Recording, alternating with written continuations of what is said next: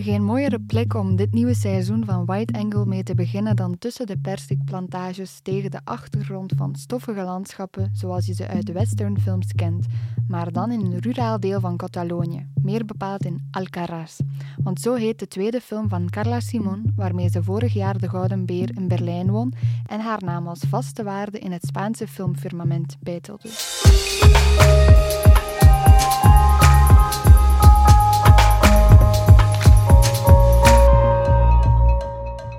Vandaag nemen we een kijkje in Simons oeuvre in de fijne aanwezigheid van... Boet Meijers, ik ben schrijver en junior filmbeschouwer voor Fantomas. Ik ben Patrick Duinslager, ik programmeer het programma uh, Classics uh, voor Filmfest Gent.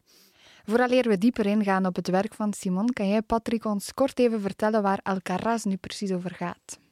Alcaraz gaat over een familie van uh, landbouwers, maar het zijn fruittelers, uh, in, uh, in, dicht bij Barcelona, dus Cat Catalonië.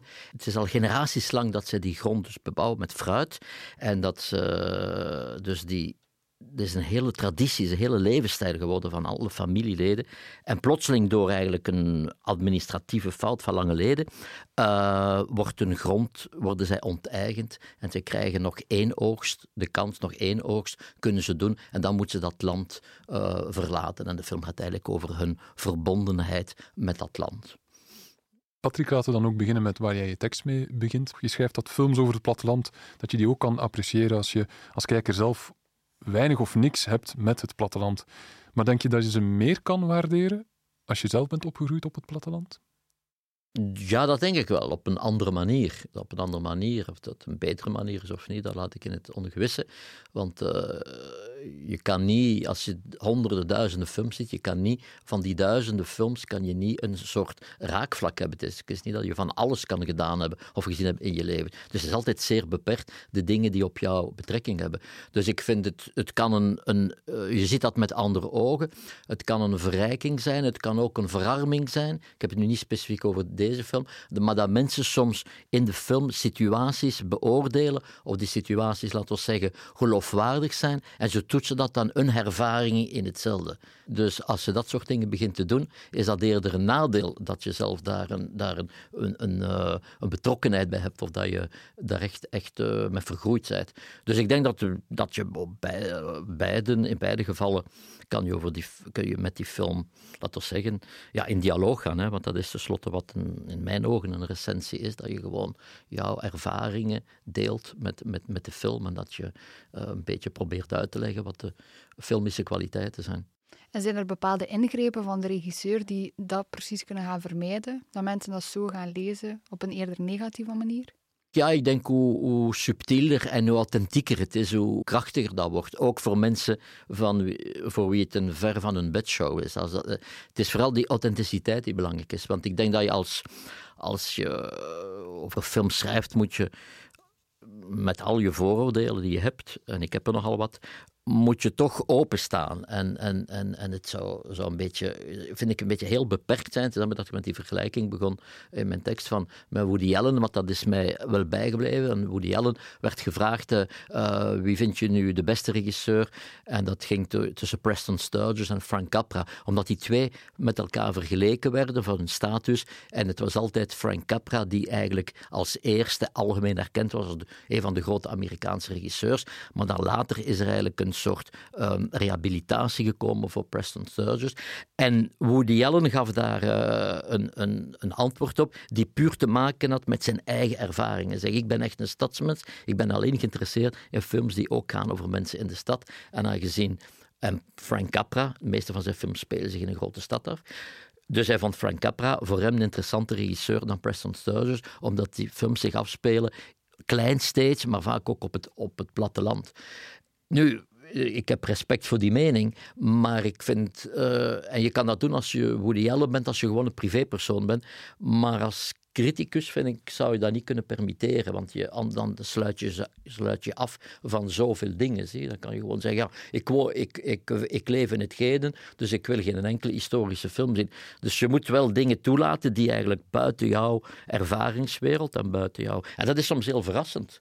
Dat kan soms zeer aangenaam zijn dat je iets ziet en dat je geniet van iets waarvan je, als je de synopsis zou gelezen hebben, want de synopsis die ik nu gegeven heb, of probeer gegeven heb, mocht ik die synopsis ergens gelezen hebben, dat zou, ik zou niet meteen zeggen, die film wil ik zien. Zijn dat dingen die jij ook meeneemt als je naar een film zoals Alcaraz kijkt? Speelt dat een rol of jij een plattelandsjongen bent geweest of een stadsjongen bent geweest?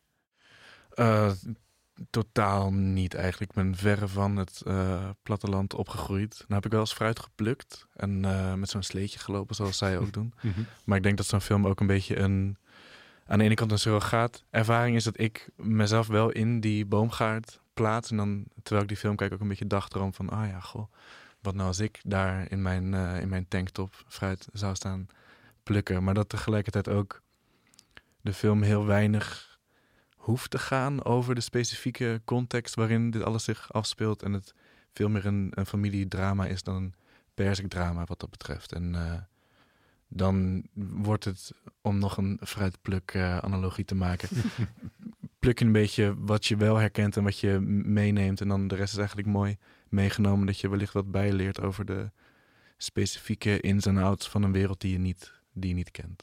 We hebben het daarnet wel over de toeschouwer gehad, maar als we dan kijken naar de regisseur, is het interessant dat ze eigenlijk wel altijd heel dicht bij haar ervaring blijft. Kunnen we daar iets meer over vertellen? Ja, tegen jonge filmmakers wordt het heel vaak verteld vertel wat je kent.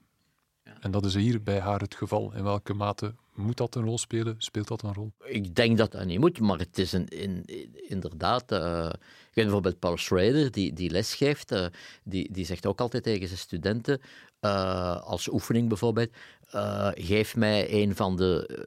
maakt een klein, een klein verhaaltje rond wat jou het meest angst inboezemt in je leven en zo. Zie? Dus, dus altijd vertrekken vanuit je eigen uh, weer vanuit je eigen ervaringen. Ik denk dat dat een goede les is, vooral voor misschien beginnende. Niet dat ze dat hoeven te doen, maar omdat je dan toch meteen zegt: uh, ja, probeer dingen te vertellen die een zekere authenticiteit hebben, want daar komt het eigenlijk op neer. Maar het hoeft niet. Hè. Je hebt regisseurs die, die films maken die zich in totaal andere werelden afspelen, uh, omdat ze een rijke verbeelding hebben. Dus, dus, maar ik denk dat het een hele goede les is voor beginnende regisseurs om, om, om, of beginnen film, om een oefening te maken, omdat het dan ook gemakkelijker is om vanuit je eigen ervaringen te vertrekken dan uit van zeer gesofisticeerde of dingen uh, te vertrekken die ver van je bed liggen. Maar het is, het is volgens mij totaal geen noodzaak.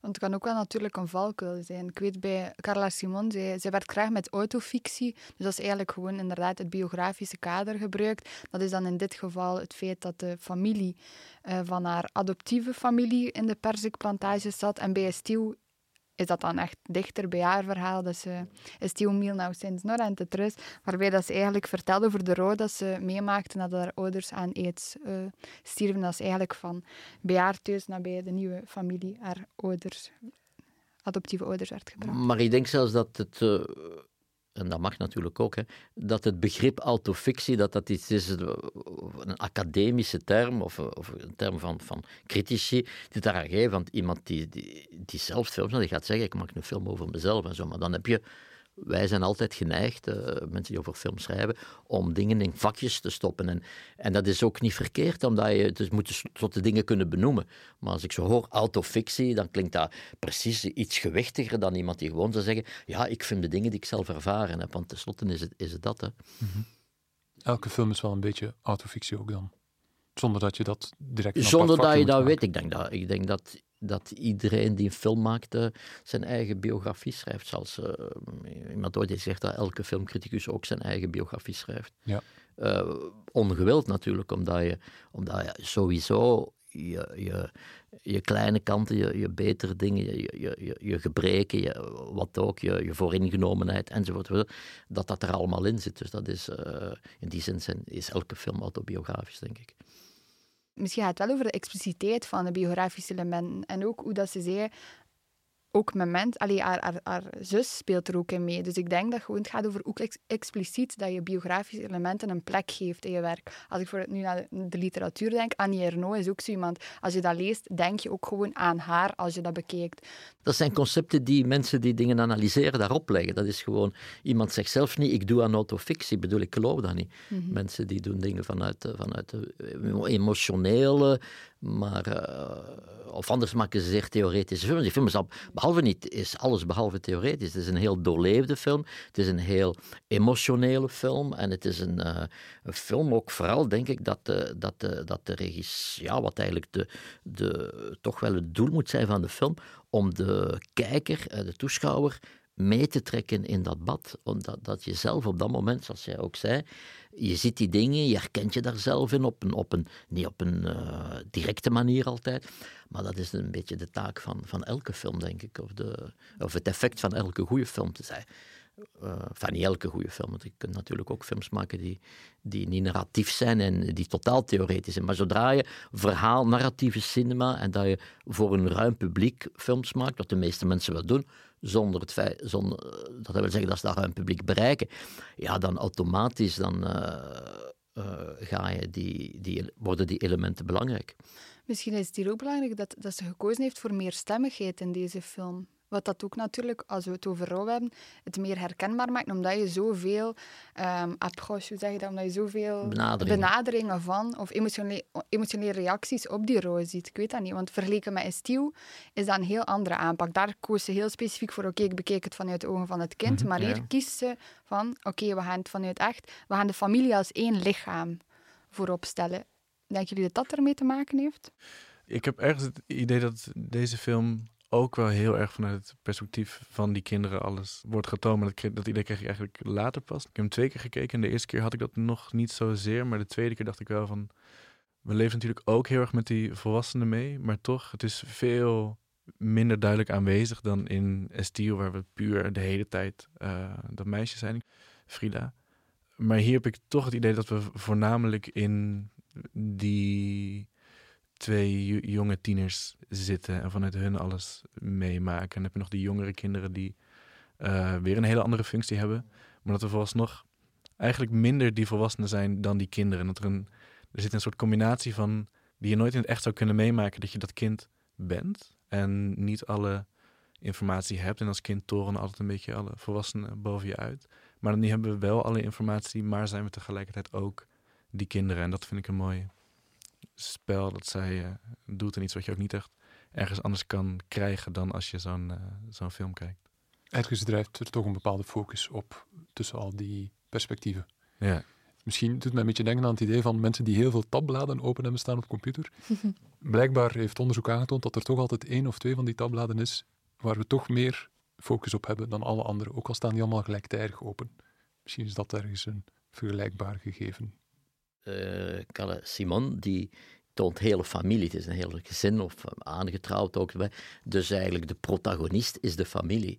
Maar dat is ook niet zo uniek. Hè. Ik bedoel, dat is, uh, dat is als een super, laat ik zeggen, commerciële Hollywoodfilm. The Godfather gaat ook over familie en iedereen komt daar ook aan bod. Dus dat is nu niet dat, dat, dat, zij, het, uh, zo, ja, dat zij iets uitgevonden heeft. Hè.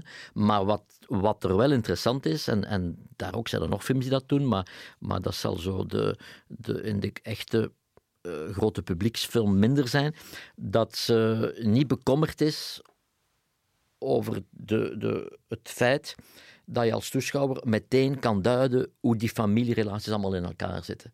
En zijn regisseurs die zouden doen dat je direct weet dat is de schoonmoeder, is de schoonzus. Maar hier niet. Je ziet die familie en, en ik was zelfs een beetje in de war. Wie is die nu? Dus, dus, en ik denk dat dat. Uh, er is ook zo. Robert Altman heeft ooit zo'n film gemaakt, A Wedding. En daar wist je ook niet goed wie iedereen was. En hij zei, ja, ik heb mijn film gemaakt vanuit het perspectief dat je deelneemt aan, aan uh, dat je ergens naar een bruiloftfeest gaat van mensen die je niet zo goed kent of familieverwanten en dat je zelf niet goed weet wie is die, wie is die. En, en in die film heb je dat ook een beetje. Je, je weet natuurlijk wel wat die kinderen zijn, maar op zeker moment was ik ook zelfs in de war dat dacht, ja, uh, op zeker moment hebben die twee jongetjes hebben de, uh, dezelfde truitje zo met die, die heel mooie blauw en rode, uh, heel kleurig. En dan heeft dat meisje dat men speelt, heeft dan hetzelfde topje. Uh, op zeker. Maar zij is niet de zus, zij is niet het zusje van die jongens. Zij is de dochter van, van, van, van een broer of een zus. Zie, maar op, er zijn momenten dat, dat dat geen belang meer heeft. Het zijn de kinderen van de familie die aan het spelen zijn. Dat vind ik wel ook typisch voor die film, dat uh, uw, uw precieze uw precieze graad in, de, of in, in het gezin, dat dat een beetje in het vage wordt gelaten. Dat op dat moment hebben ze allemaal even, zijn ze allemaal evenwaardig. Dat vind, dat vind ik wel uh, knap gedaan ook.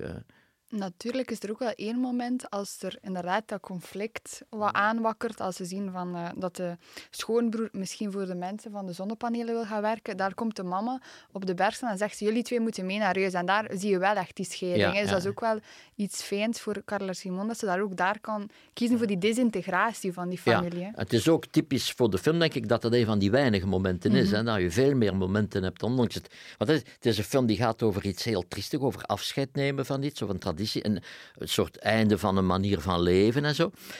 Maar toch zit die film, is dat geen doemfilm, vind ik. Ik vind dat het allemaal gefilmd wordt met een zeker plezier die ze nog in hebben, met een zeker genot, met een zekere uh, frisheid. Dus, uh, dus dat vind ik ook zeer mooi, om, om binnen die thematiek toch voor een toon te kiezen die, die, die, die het is veel genuanceerder dan het zo...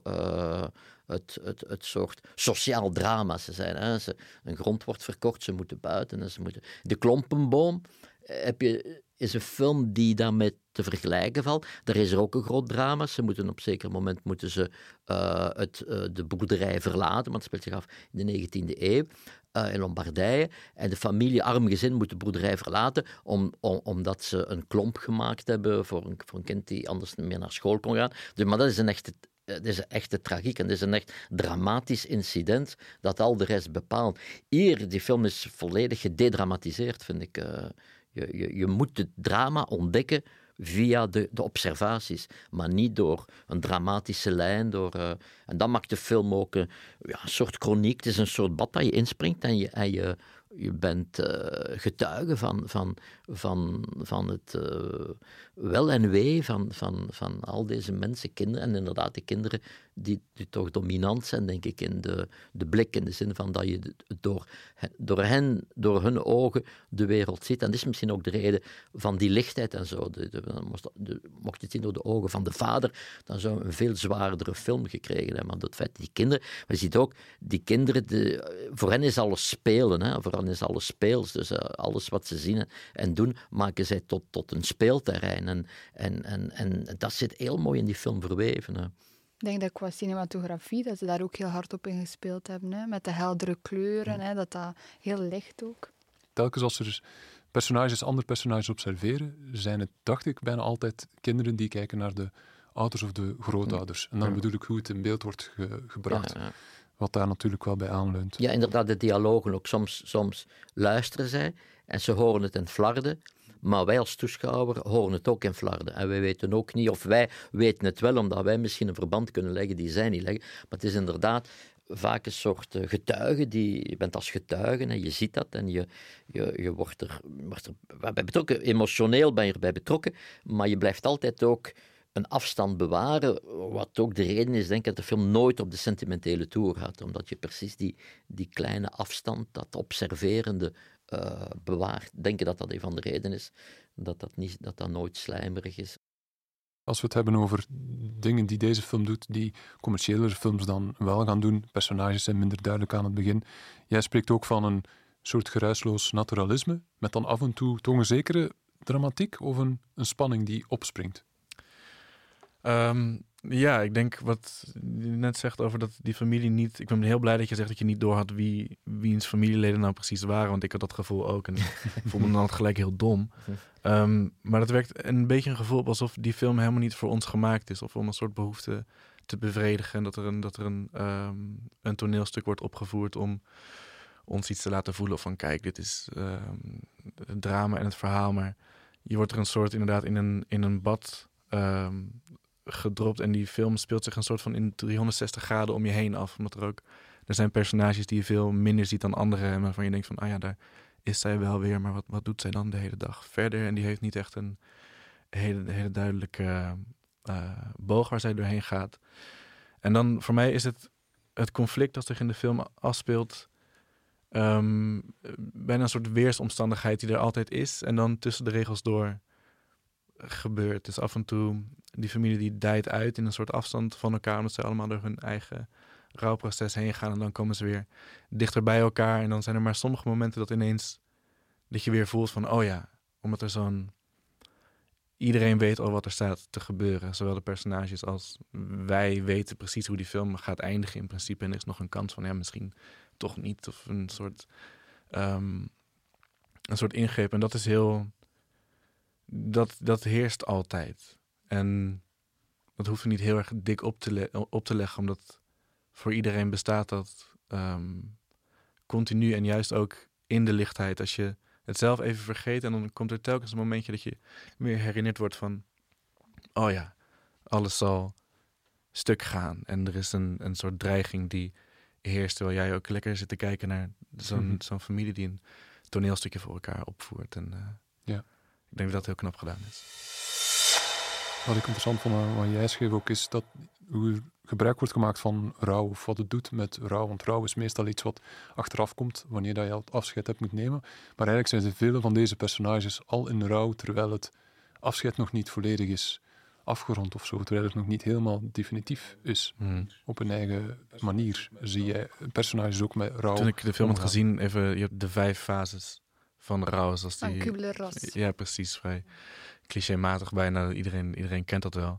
En ik denk dat um, meerdere personages gaan door verschillende processen van die rouw heen tegelijkertijd. Terwijl uh, nog in een soort ontkenning zit, omdat voor hem eigenlijk alleen die laatste oogst nog geldt. En ook hij is zo, uh, hij is zo boos als, als um, die bomen verdrinken uiteindelijk. Terwijl ik denk ook van ja, het maakt toch geen fuck meer uit eigenlijk. Want dit wordt toch allemaal geruimd. Uh, later. Maar het moet nog allemaal goed gaan en alle, uh, die oogst moet slagen.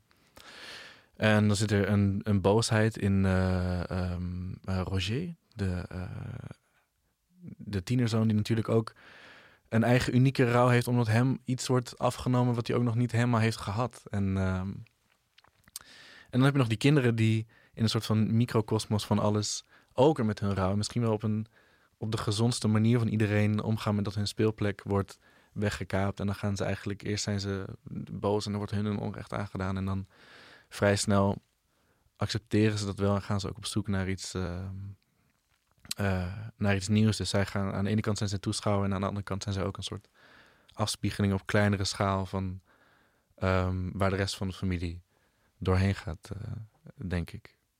Ja, ze capteert inderdaad heel goed die grillige aard van Ro. Want ik merk wel dat in heel veel films over Ro dat er een soort van valkuil is naar het einde toe, dat dat iets cathartisch moet worden. En ik vind dat Carla Simon ook in Estiel dat heel slim aanpakt, omdat ze eigenlijk zegt van, en nu begint de rouw opnieuw of zo. En dan, dan stapt ze misschien een beetje af van die fases van Kubler-Ross, maar dan zit nu zo meer bij een, een nieuwe visie op en dat is dan de rouwtaak. En dat het eigenlijk zo hard door elkaar loopt, dat je daar geen chronologie meer in kan trekken. En dat vind ik zo sterk in haar visie op rouw natuurlijk.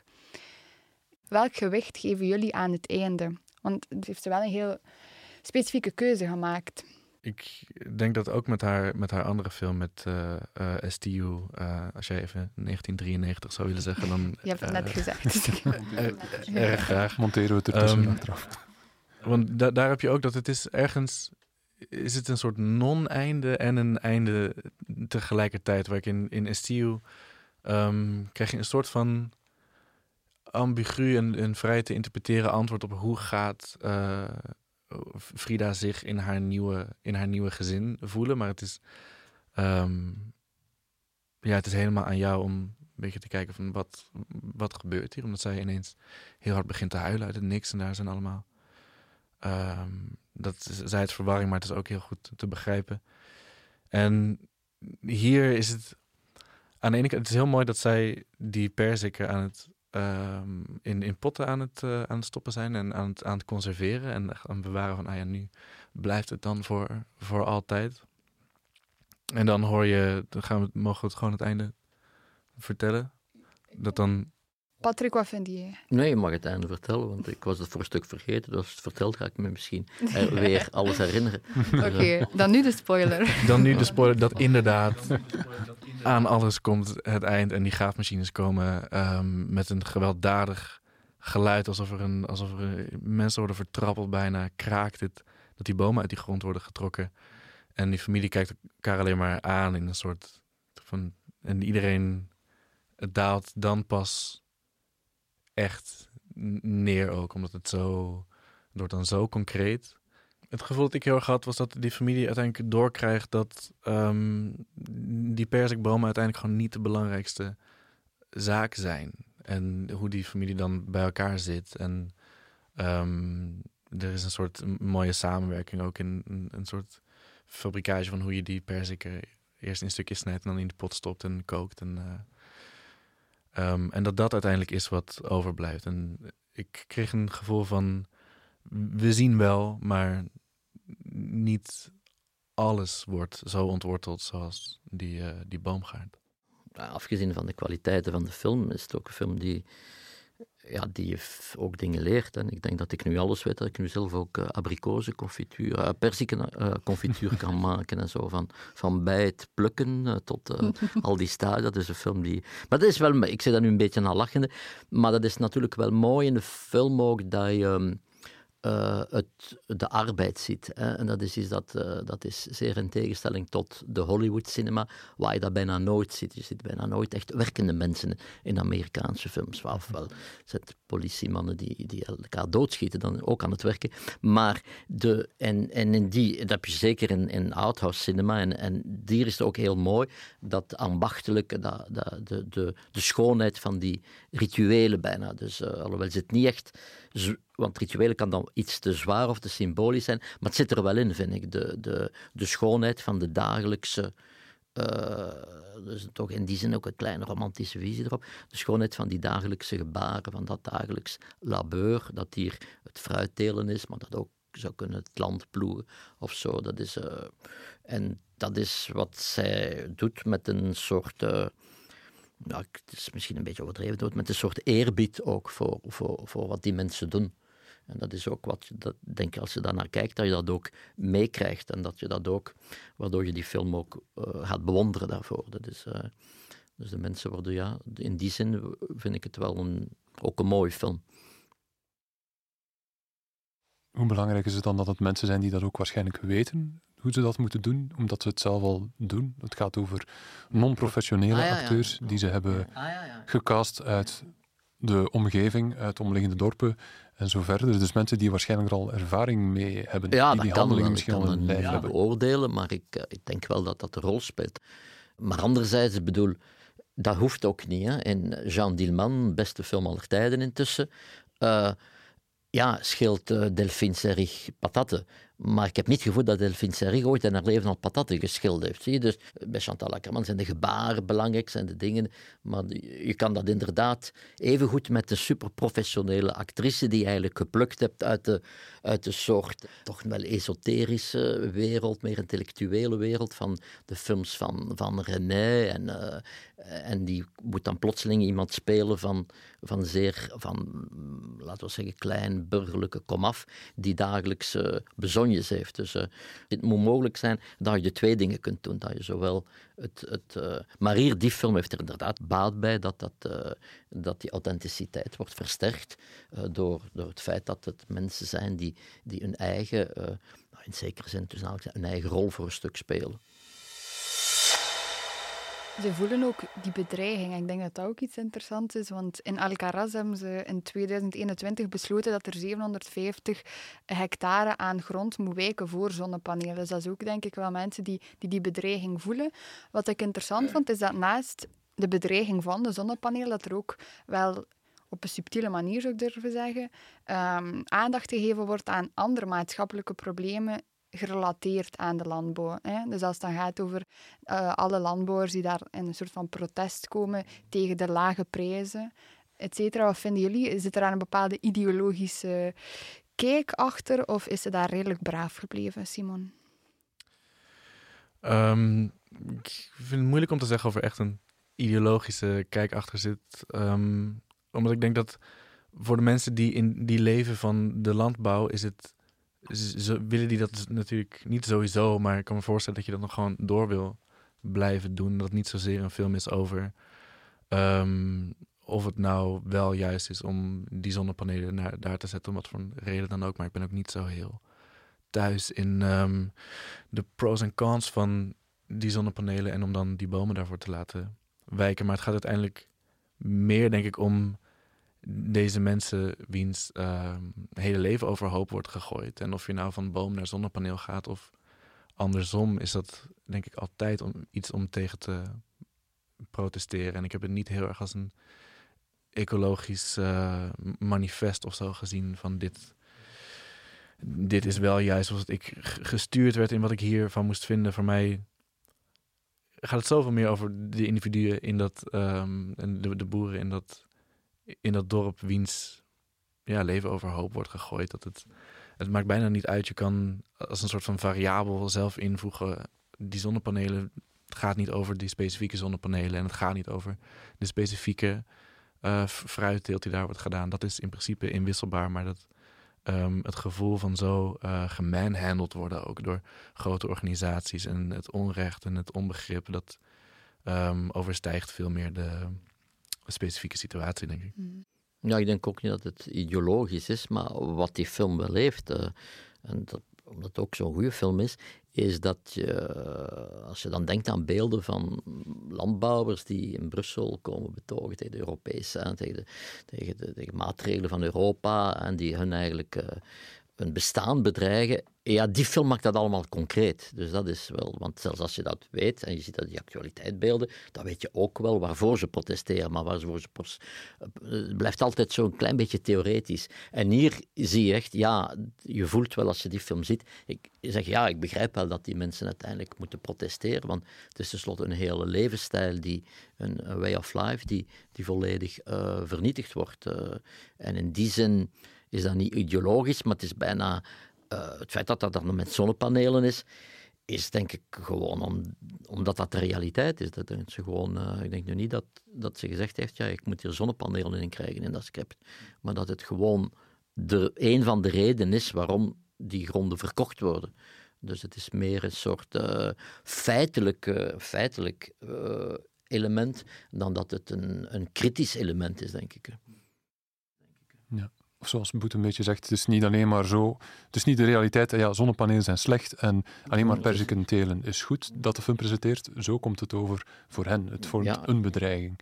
Ja, ja dat zou zelfs kunnen zijn dat zonnepanelen, denk ik, gezien worden, of in ieder geval door mij, als een, een, goed iets, omdat het schone energie is. Er zijn natuurlijk mhm. ook een heleboel um, boeren ook, wiens bestaansrecht wordt bedreigd om ook goede redenen. Of boeren die op grote schaal uh, dieren houden en heel veel stikstof uitstoten. Zoals in Nederland het, uh, het, het geval is dan. En dan nog, als je daar een film over maakt. En het gaat uiteindelijk over iemand wiens bestaansrecht wordt uh, bedreigd. En die onzeker is over of hij voor de familie kan zorgen en qua inkomsten.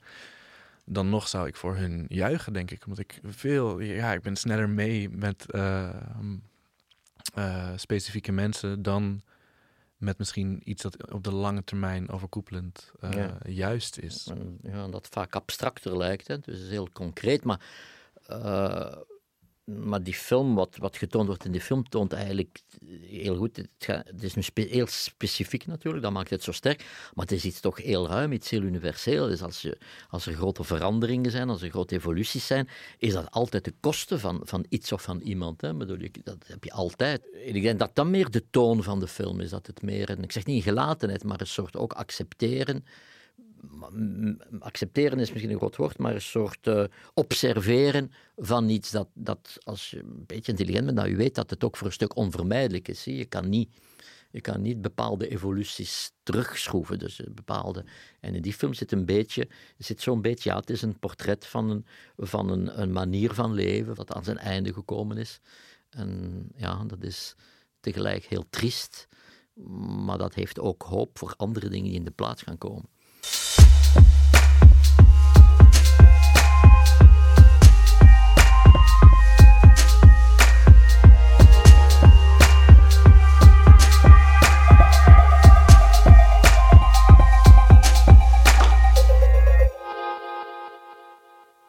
Zoals het duidelijk werd uit het gesprek, ook dit jaar geldt, praten over films leidt altijd tot meer films. Welke films zien jullie graag in een watchlist bij um, Ik heb een soort uh, genrefonds gedaan, want mocht je nog op je honger zitten en nog een film willen zien over een fruitteler wiens land wordt binnengedrongen door uh, iets moderns dat enigszins op een boom lijkt, maar het niet is, geen zorgen, er is ehm, Commitment Hassan, een Turkse film over dit keer een, uh, een appelboer. En er wordt op zijn land wordt een grote elektriciteitsmast gezet. En uh, die gaat er op een hele andere manier mee om dan deze familie. Ik vind het een hele, bijna een, een zachtaardige film. En de Hassan, de hoofdpersoon, die uh, verliest zichzelf in een soort web van narigheid en, en, en leugens. En, uh, maar het is grappig om te zien dat het. Er zitten veel overeenkomsten echt op plotniveau. Patrick, in uh, jouw tekst haal je al heel veel films aan. Is er één daarvan die je er gaat uitpikken? Of mocht, moest nee, je nog aan iets anders kan die denken? daaruit pikken, maar ik wil meteen zeggen dat het, dat het niet echt uh, uh, over hetzelfde soort verhaal gaat. Uh, die, die, die, Italiaanse film, De Klompenboom, L'Albergo degli Zoccoli. Alleen, ik zou, ik, zou, zeggen, als je die film ziet, is het misschien interessant om daar ook films te zien die ook die niet precies dezelfde spanning of niet dezelfde anekdotische uh, intrigue hebben als die film. Uh, niet, niet precies dezelfde situatie, maar die wel tonen hoe films het moeten hebben van een authenticiteit waarmee ze een uh, landelijke samenleving bekijken. Omdat dat ook een, een soort wereld is die, die heel vaak karikaturaal wordt voorgesteld. En als voorbeeld hou ik dan in mijn tekst de vroegere Vlaamse boerenfilm genoemd. Uh, daar was meestal was dat heel ja, vrij karikaturaal. En was het eigenlijk, werd daar naar gekeken naar die landbouwers met een soort. Uh, ja, die, die werden als stereotypen afgeschilderd. Maar als je dan een film krijgt zoals deze, of zoals De Klompenboom, dat gaat dan over uh, landarbeiders uh, einde van de 19e eeuw in Lombardije. Uh, familie ook die geobserveerd wordt.